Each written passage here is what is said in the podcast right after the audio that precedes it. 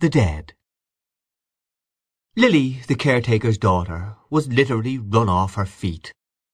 Hardly had she brought one gentleman into the little pantry behind the office on the ground floor, and helped him off with his overcoat, than the wheezy hall-door bell clanged again, and she had to scamper along the bare hallway to let in another guest.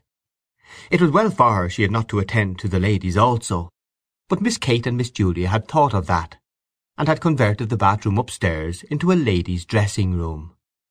Miss Kate and Miss Julia were there, gossiping and laughing and fussing, walking after each other to the head of the stairs, peering down over the banisters and calling down to Lily to ask her who had come. It was always a great affair, the Misses Morkan's annual dance.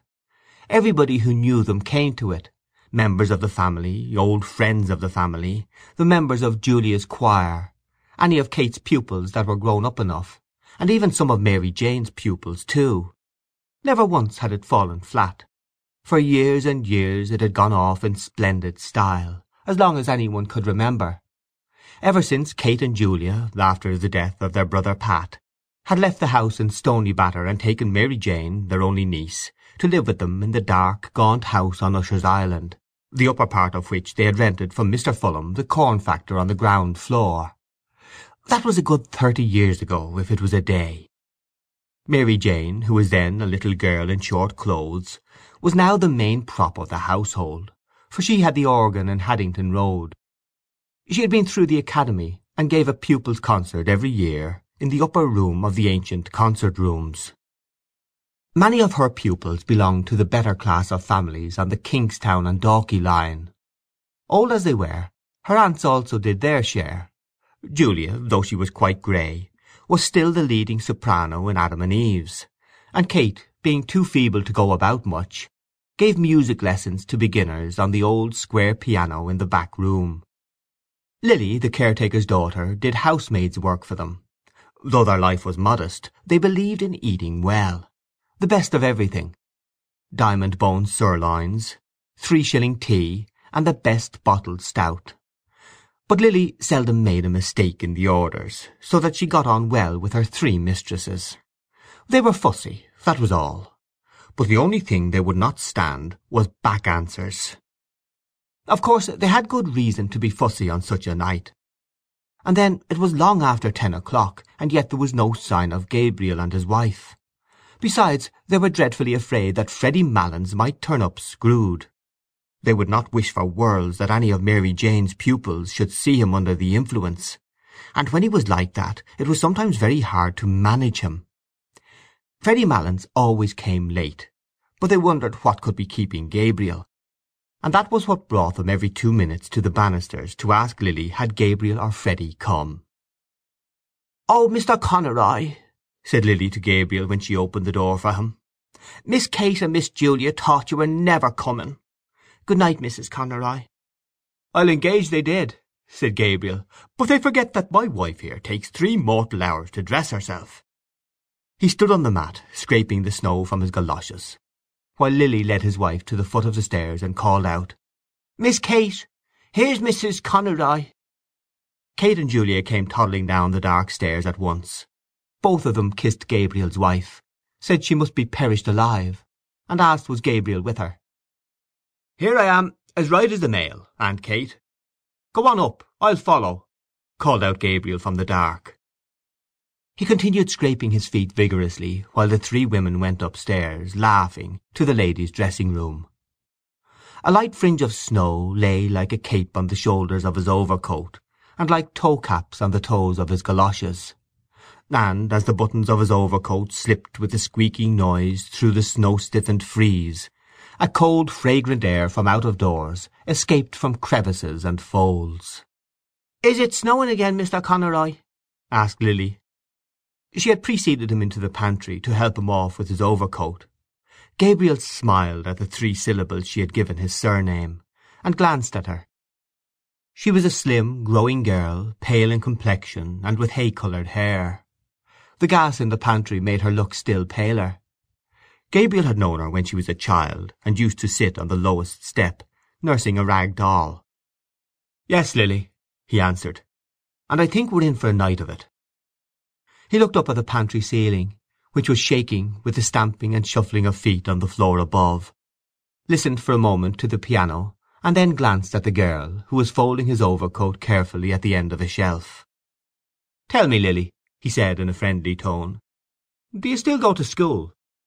"Oh, no, sir," she answered. "I'm done schooling this year and more." "Oh, then," said Gabriel gaily, "I suppose we'll be going to your wedding one of these fine days, with your young man, hey?"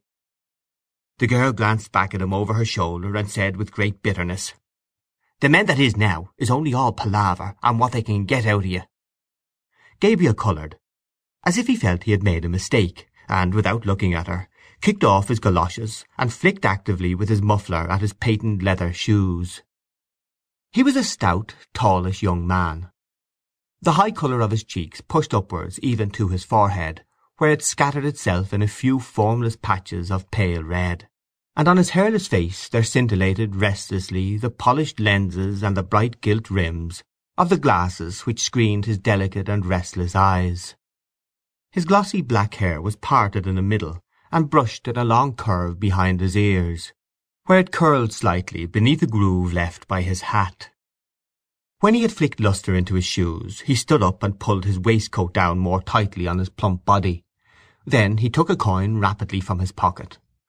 "Oh, Lily," he said, thrusting it into her hands. "It's Christmas time, isn't it?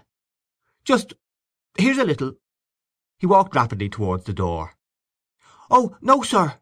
cried the girl, following him. "Really, sir, I wouldn't take it." "Christmas time, Christmas time!" said Gabriel, almost trotting to the stairs, and waving his hand to her in deprecation. The girl, seeing that he had gained the stairs, called out after him, "Well, thank you, sir." He waited outside the drawing-room door until the waltz should finish, listening to the skirts that swept against it, and to the shuffling of feet. He was still discomposed by the girl's bitter and sudden retort. It had cast a gloom over him, which he tried to dispel by arranging his cuffs and the bows of his tie. He then took from his waistcoat pocket a little paper and glanced at the headings he had made for his speech. He was undecided about the lines from Robert Browning, for he feared they would be above the heads of his hearers. Some quotation that they would recognize from Shakespeare or from the Melodies would be better. The indelicate clacking of the men's heels and the shuffling of their soles reminded him that their grade of culture differed from his. He would only make himself ridiculous by quoting poetry to them which they could not understand. They would think that he was airing his superior education. He would fail with them just as he had failed with the girl in the pantry. He had taken up a wrong tone. His whole speech was a mistake from first to last, an utter failure. Just then his aunts and his wife came out of the ladies' dressing-room. His aunts were two small, plainly dressed old women. Aunt Julia was an inch or so the taller, her hair, drawn low over the tops of her ears, was grey, and grey also, with darker shadows, was her large flaccid face. Though she was stout in build and stood erect, her slow eyes and parted lips gave her the appearance of a woman who did not know where she was, or where she was going. Aunt Kate was more vivacious. Her face, healthier than her sister's, was all puckers and creases, like a shrivelled red apple and her hair, braided in the same old-fashioned way, had not lost its ripe nut-colour. They both kissed Gabriel frankly. He was their favourite nephew, the son of their dead elder sister, Ellen, who had married T. J. Conroy of the Port and Docks. "Greta tells me you're not going to take a cab back to Monkstown to-night, Gabriel," said Aunt Kate. Uh, "No," said Gabriel, turning to his wife. "We had quite enough of that last year, hadn't we? Don't you remember, Aunt Kate? What a cold Greta got out of it! Cab windows rattling all the way, and the east wind blowing in after we passed Merrion. Very jolly it was. Greta caught a dreadful cold. Aunt Kate frowned severely and nodded her head at every word. "Quite right, Gabriel, quite right," she said. "You can't be too careful."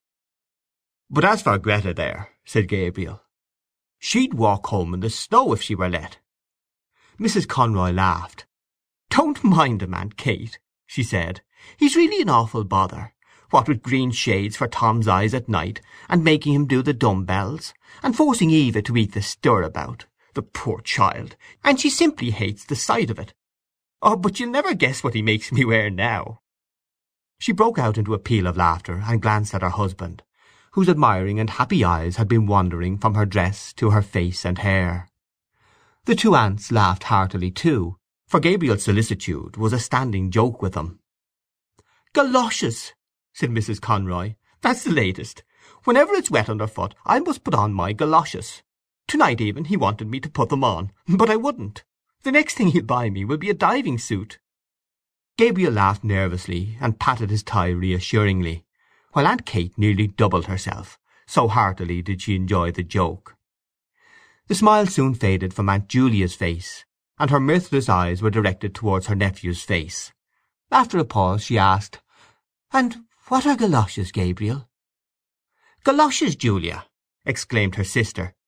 "Goodness me, don't you know what galoshes are? You wear them over your—over your boots, Greta, isn't it?" "Yes," said Mrs. Conroy. "Gutta percha things. We both have a pair now.